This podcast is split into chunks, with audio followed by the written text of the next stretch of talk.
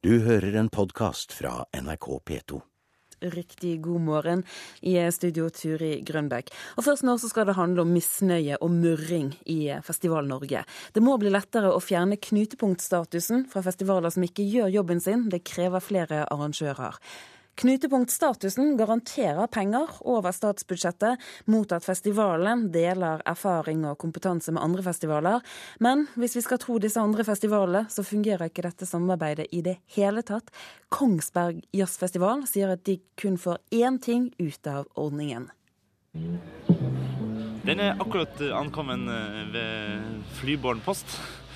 Så da, da, var vi trygge. Da vi, slipper vi å leie en ekstra ståbass. Det koster ganske mye, og det er viktig å ha godt utstyr til artistene våre. Festivalsjef Torbjørn Heitmann Valum viser frem vandrebassen som Kongsberg deler med Molde Jazz. Utenom den er det fint lite Kongsberg Jazzfestival har fått utbytte av når det kommer til Knutepunktfestivalen i Molde. Valum forteller at årets festival har fått mest drahjelp fra lokale aktører og festivaler i nærheten. Blant menneskehavet på Kirketorget, like ved den store, hvite hovedscenen, sitter fjorårets festivalsjef Pål Fidjestøl, denne gangen som tilskuer. Det var han som evaluerte samarbeidet med Moldejazz i fjor. Knutepunkt Molde, yeah right. De får mer penger, det er konkurransevridende, det er negativt for oss. Vi opplever det som en stein i skoen. Moldejazz har ikke skjerpet seg noe særlig, til tross for tilbakemeldingene de fikk av de andre festivalene i fjor, ifølge Fidjestøl. Derfor foreslår han at Kulturdepartementet skjerper kravene, og at det skal bli lettere å frata festivalene knutepunktstatusen.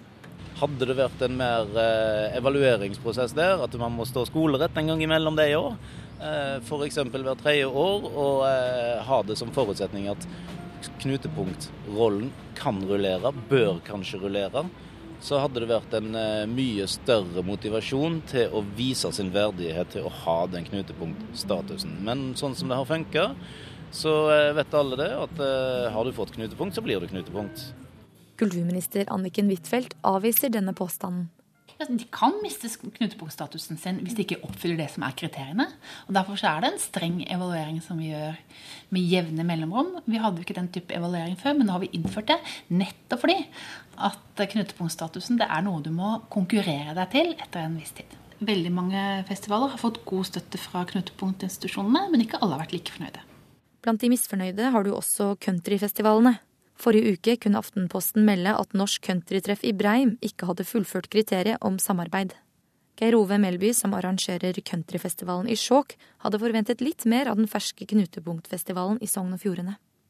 De har noen visse ting de skal utføre på, grunn, på bakgrunn av det de får. da. Det er bl.a. kanskje ta kontakt med andre festivaler, bistå dem og litt sånn slik. Norsk Countrytreffs daglige leder Ingemar Sårheim forklarer fraværet med at festivalen hadde mange andre oppgaver å sette seg inn i, og ikke hadde tid til å bidra i år. Det samme gjelder Moldejazz. Festivalsjef Jan Ole Otnes forteller at mye ressurser har gått med på å bygge nytt kulturhus. Det har nok gjort at vi ikke hadde hovedfokus på samarbeidet året her, men når vi nå kommer i hus her, vi har, har flytta inn her nå, så skal vi nok intensivere samarbeidet med de andre. Otne synes det er viktig at festivalen blir evaluert, men at den bør være forsiktig med å fjerne knutepunktstatusen for fort. En rullering den måtte i så fall være forutsigbar, og man må få muligheten til å korrigere kurs dersom man ikke gjør det bra nok. Man må gjerne ta, ta den ordninga her til debatt, men man må også se på om andre festivaler får tilstrekkelig med tilskudd. Altså ikke, ikke kampen mot hverandre om penger, men kampen felles om å skaffe mer penger til, til feltet. Nå skal kulturministeren ta turen til Molde for å se nærmere på ordningen. Da skal jeg ha møte med mange av de festivalene som kommer på Moldejazz, og nettopp høre mer om hvordan knutepunktordningen fungerer, men også hvordan festivalstøtteordningen fungerer. Reporter, det var Kristine Ferna Apalnes. Karl Kristian Johansen, du er journalist i nettavisen Ballade, og der skriver du om det meste av det som rører seg innen, musikklivet, inkludert knutepunktordningen. Hva vil du si, hvordan fungerer denne ordningen i praksis eh, mot hvordan den ser ut på papiret? Jo, altså Hensikten er at uh, knutepunktfestivalene skal være Eh, ledende festivaler på sitt felt når det kommer til eh, det programmessige arbeidet og eh, det organisasjonsmessige og arrangørtekniske arbeidet. Og dette skal de da dele med de andre festivalene i, i samme sjanger. Og Eh, det er eh, noen knutepunktfestivaler som eh, er flinkere til å dele av sin erfaring, kunnskap osv. enn andre. Sånn at det er egentlig det fungerer i noen tilfeller, andre tilfeller fungerer ikke så godt. Har du noen eksempler på der det ikke fungerer så godt? Ja, altså Øyafestivalen får jo stadig vekk skryt for å håndtere dette oppdraget på en bra måte. Eh, de eh, inviterer folk til eh, Oslo under arrangementet og deltar også på kurs, konferanser osv. Og, så og deler av sin kunnskap på den måten. Mens f.eks. Eh, Olavsfestdagen i Trondheim, som uh, da også er knutepunktfestival, de uh, har fått veldig mye kritikk gjennom noen år nå for å drive en booking som da går utover de andre festivalene i nærområdet. Slik at de booker artister som Ja. De, de booker artister som andre festivaler mener er innenfor deres felt, og ikke da passer inn i kirkemusikk konseptet, da. Men eh, sånn som så Olavfestdagene, det er, er fremdeles statusen knutepunkt. Mm. mm. Og i reportasjen altså, så hører vi at kulturministeren sier at eh, det, det, ikke er slik at en slik status varer evig. Hva er sjansen for at en festival mister knutepunktstatusen sin? Jeg oppfatter det som at det er en marginal sjanse for det. Olavsfestdagene igjen er et eksempel på en festival som fikk hadde kjempestore problemer økonomisk sett. Gikk nesten konkurs for bare noen få år tilbake. Um, og de, den diskusjonen om, eh, om uh, at de med, med, statlige penger driver opp uh, prisene på artister som egentlig hører hjemme på andre festivaler, er også en årlig debatt. sånn at den, om, om om da Olavsfestdagene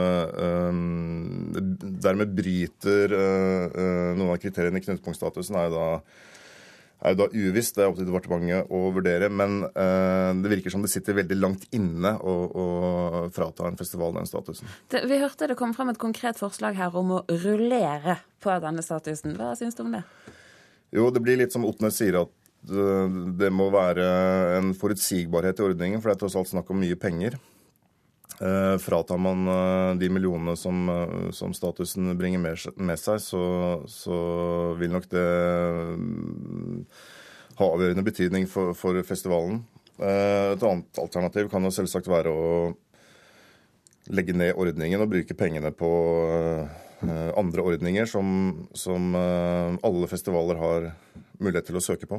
Tror du det vil skje? Eh, det virker ikke som det skjer i løpet av de neste årene, i hvert fall. Karl Kristian Johansen, takk for at du var med oss her i Kulturnytt.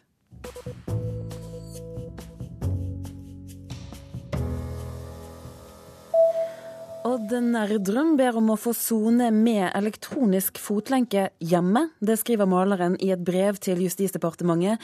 Forrige uke dømte Borgarting lagmannsrett ham til to år og ti måneder fengsel for skatteunndragelser. Til Klassekampen sier Nerdrum at han vil bruke soningstiden til å male et stort bilde som han skal kalle 'Fengslene åpnes'. Og dette bildet skal doneres til den norske stat dersom han får sone hjemme. FNs menneskerettighetsråd har blitt enige om sin første resolusjon om ytringsfrihet på internett. Forslaget kom i kjølvannet av den arabiske våren, der sosiale medier spilte en stor rolle. Menneskerettigheter i den digitale verden må beskyttes og fremmes på samme måte som i den fysiske verden, sa USAs ambassadør. Både Kina og Cuba hadde enkelte reservasjoner, men stilte seg bak sluttdokumentet. En måned før utstillingen Fresh Paint skulle åpne, så fikk kunstnerne beskjed av museumsdirektøren at utstillingen var avlyst pga. Av manglende ressurser. Det skriver VG. I nesten to år så arbeidet tre norske kunstnere med denne utstillingen for Stenersen-museet. Og nå mener de at to års arbeid har vært bortkastet, og stiller spørsmål til museumsdirektørens håndtering av saken.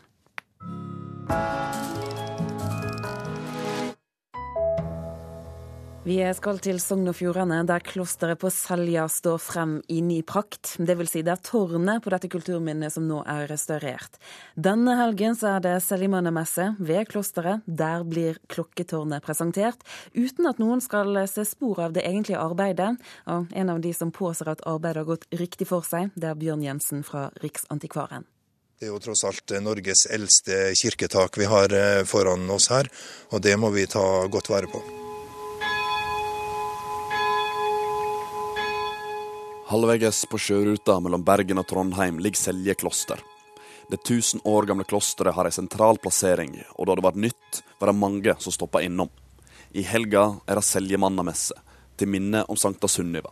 Da fyller òg Riksantikvaren 100 år, og miljøvernminister Bård Vegar Solhjell kommer til Selje for å avduke klokketårnet til klosteret. Den delen som nå er ferdig konservert. Siden prosjektet begynte i 2006, har målet vært klart. Eh, det som vi gjør her, eh, det vises nesten ikke, og det er jo et, eh, et kvalitetsstempel på godt håndarbeid at det arbeidet som blir gjort, ikke vises. Fordi at fuginga og arbeidet i detaljarbeidet som foregår der, det, det er et rent vedlikeholdarbeid der du skifter ut fuga og, og, setter inn nytt. og Den sier jo det at det skal helst ikke vises at den har vært der. I dag er Selje kloster ei av få ruiner vi har att i Norge og Riksantikvaren finner det derfor nødvendig å bruke 1,5 million hvert år på konservering. Arbeidet skal stå ferdig i 2020, og det er gode grunner til at det tar så lang tid. Vi har jo holdt på med det en god stund nå. altså Det kan være ganske komplisert. Det er jo ganske tidkrevende arbeid. det er jo det det er da. Jermir Reistein er en av murerne som har fått ansvaret for arbeidet. Det er viktig at de er grundige, for ruinene skal stå i minst 1000 år til. Teknikkene og materialet de bruker, har òg sine røtter fra kristningstida i Norge. Vi bruker jo litt mer sånn uh, konversielle materialer, materialer, ikke akkurat det de brukte. Det er jo litt vanskelig. og Da har vi kommet til å bruke enda mye lengre tid for å finne den riktige sammensetninga av mørtelen. Og bevaring av kulturminner er ikke bare enkelt. Ute på kysten der regn og vind ofte herjer, er det ett punkt Bjørn Jensen mener er ekstra viktig? Nei, Det er å um, hindre vannet å komme inn. Renske alle fugene og ta vekk det som kalles for vannfeller, og hindre vannet å komme inn. Det er absolutt uh, punkt nummer én. Reporter her, det var Anders Weberg. Men eh, nå aller først så skal vi møte Elsa Lystad. Hun fyller 82 år om eh, tre dager. Nå er hun aktuell med det nye showet sitt 'Mitt liv som Elsa'. I kveld er det premiere på Tjøme i Vestfold. Hei! Visste du ikke at jeg hadde forsovet meg i dag? Nei. Nei, jeg visste, Det er så grusomt. Men i dag var litt spesielt. hus der. Der kommer hun den vakreste Det, er Smårolleforbundet som kommer ja, med te. Det er den vakreste av alle de som uh, som har sluttet å, å interessere seg for, for, å være på Du vil ikke være på scenen så mye som du var nei, før? Nei, nei. Interne opptredener. Jeg for jeg er sikker på at det kommer publikum. Ja. Skal vi se. Vil du ha den? Ja, altså, altså. Du er den beste av alle. For å si det helt nøkternt. Kjempeflink. Altså. Hun kan alt. Elsa Lystad sier at det som gjør at hun fortsatt holder koken, er at folk rundt henne så iherdig viser at det fortsatt er bruk for henne. Både på scenen og privat. Men den som lovpriser de rundt seg mest av alle, det er Elsa. Venninna Marianne Krognes og makker i det nye sceneshowet Petter Anton Næss. Intet unntak. Jeg takker Gud når jeg rekker det. Kvelden fort. Nei, jeg bare sier Jeg syns det det Han er, han er akkurat det som skal til for at jeg skal ha det bra på scenen. Fordi han, eh, han, er, eh, han er, forut.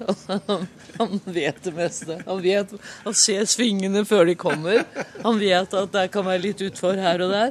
Og han er så jævlig flink. Og jeg kan surre og tulle, og han bare roer deg inn igjen. Akkurat som sånne snille, snille onkler. Eller noe sånt. Er, vi er to i tospann, og det er jo Elsa som drar lasset, men jeg får lov til å være med. Jo jeg, jo, jeg, får lov til å være med. Ja. Men det er et trøkk og et talent som selv eh, med den lange fartstida som hun har, så er det fremdeles spill levende. Og det er som jeg oppdaga for et par dager siden Hun er ganske jazza i hodet sitt. Ja, ja, det er der det går. Ja, ikke rocka. Ikke, Nei, men altså, jazza, det jeg mener er kort og godt som en jazzmusiker improviserer og leker og egentlig aldri husker hva man For det er jo instinkt og intuisjon som drar an man skal inn og inn, improvisere. Sånn er Elsa. Du tenkte, ja, Nå sa du det på en måte som jeg ikke Du, der har han det Ja, du skjønner? Du skjønner alt nå? Likte du den ja, ja, for det er akkurat ja. Det er, jeg, det er jeg har alltid elsket du musikere, og jeg har alltid likt meg best blant musikere. Jeg er ikke redd når, når eh, Petter Anton sitter og, og han kan eh, kaste litt manende blikk på deg. La oss si vi har en sånn lett konverserende stil. Ja. Det er Ja, stand, det er ikke standup, det er jo sånn sit Nei, down. vi prater. Vi prater litt og går Fortell videre. en liten tur til begynnelsen. 1965. Var da det begynte. All galskap, eller gleden, da. Med, Ja, gleden var ja, ja, med lysthus og alt det. alt, alt ja. og- Og jeg ville bli svensk statsborger. Det vil jeg òg. På grunn av Hasse og Tage. Varje gang du Tar av deg skoene, så medgir at det kjennes skjønt. Det betyder at apan i deg har enden funnet død. Og fantastisk drøm om min forvåning, alle merkede sko. Drøm om min forvåning, den damen var god.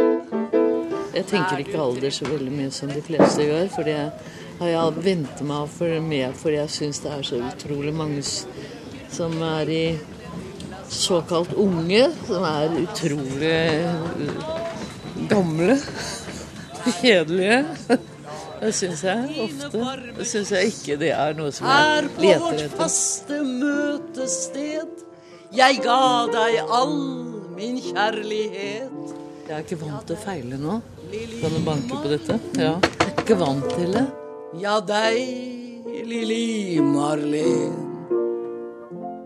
Her hørte vi en Elsa Listhaug med litt premierenerver, og også Petter Anton Næss i samtale med reporter Camilla Bolleng Frengen.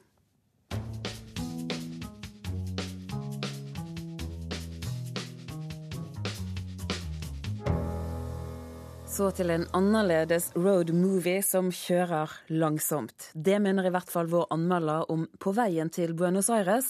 Denne filmen har premiere denne uken, og dette er en film for de som kan sitte stille, mener Einar Gullvåg Staalesen.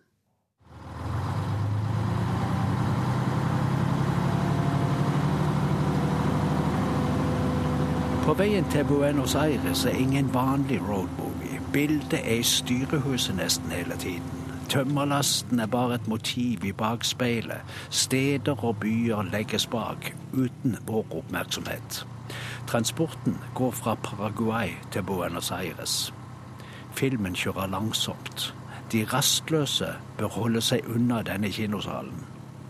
Langsomheten er realistisk. Den bidrar til en ekte følelse av monotoni. Samtidig skaper den intensitet. Langtransportsjåfør Ruben er nok typen for et liv bak rattet på de lengste etappene. Han trives best i eget selskap.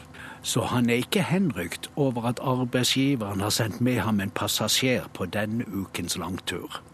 Og han er ikke informert om at kvinnen har med seg sin åtte måneder lille datter. ¿Usted es Rubén? Tengo parte del señor Fernando. ¿Es tuyo? Sí, es mi hija.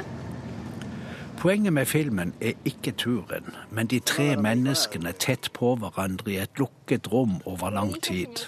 Vi har en anelse om at noe vil utfordre Ruben med sin begrensede sosiale verden, men det er vi usikre på. Vi leter etter tegn i hvert ord, og ordene er ikke mange, og vi vurderer hver betoning, som heller ikke er tydelig. Alt dette bygger opp spenning.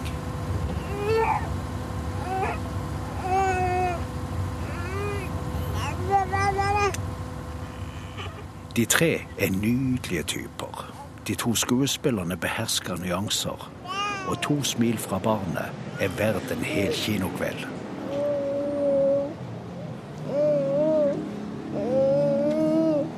Dette er film. Det kan bare skapes på film. Dette er laget av en som vet at film kan fortelle mer enn eventyr. Han heter Pablo Giorgelli. Han har skrevet manus selv og vært produsent selv, og han er egentlig redigerer, altså filmklipper. Dette er hans første langfilm som regissør. Den kom til Cannes i fjor. Pablo Giorgelli er argentiner. Filmen er argentinsk. Argentina har en relativt beskjeden filmproduksjon, men med bemerkelsesverdig fin standard. På veien til Buenos Aires er en god film for alle som kan sitte stille.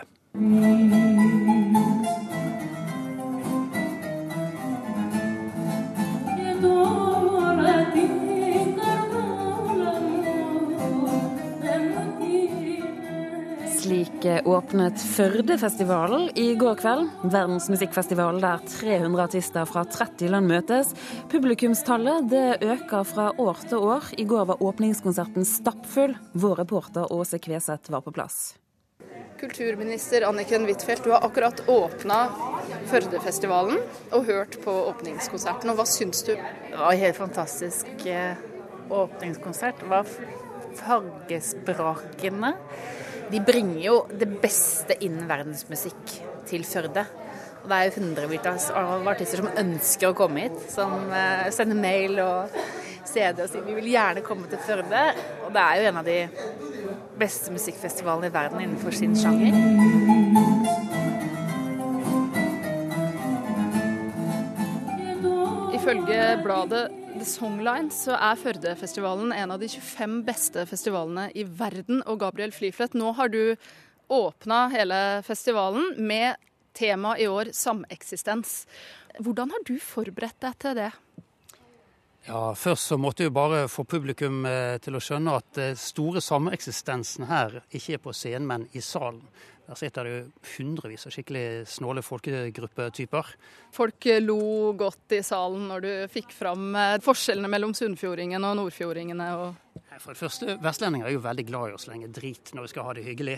Så det å sjikanere andre er en veldig må vanlig måte å bli venner på. Så jeg ville gjerne bli venner med mitt publikum. Og de lever stort sett av de andre, men også iblant lever man litt av seg sjøl. Og det syns jeg i hvert fall er et utrolig godt utgangspunkt for å eksistere sammen. Eh, og ellers så tenker det at folk ser mennesker spille sammen, som i Nordic Fiddlers Block, som kommer fra tre forskjellige land.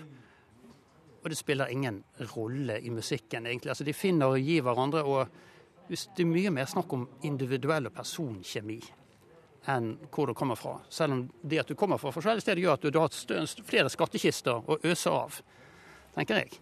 Og dere i Nordic Fiddlers Block, dere har akkurat spilt på scenen nå. Dette temaet sameksistens. Hva legger dere i det musikalsk? Ja, det passer jo veldig godt på gruppa vår.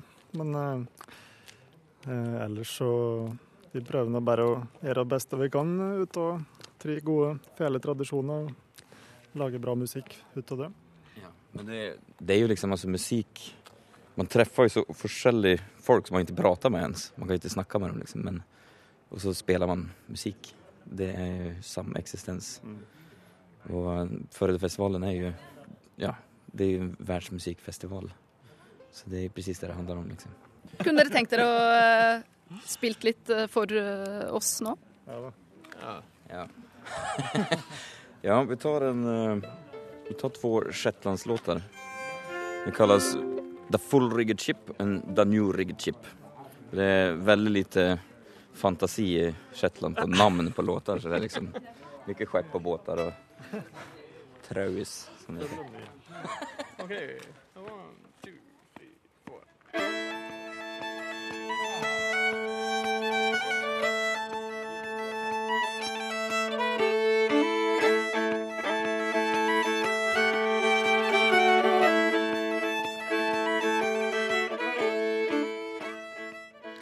reporter på Førdefestivalen, det er altså Åste Kveseth.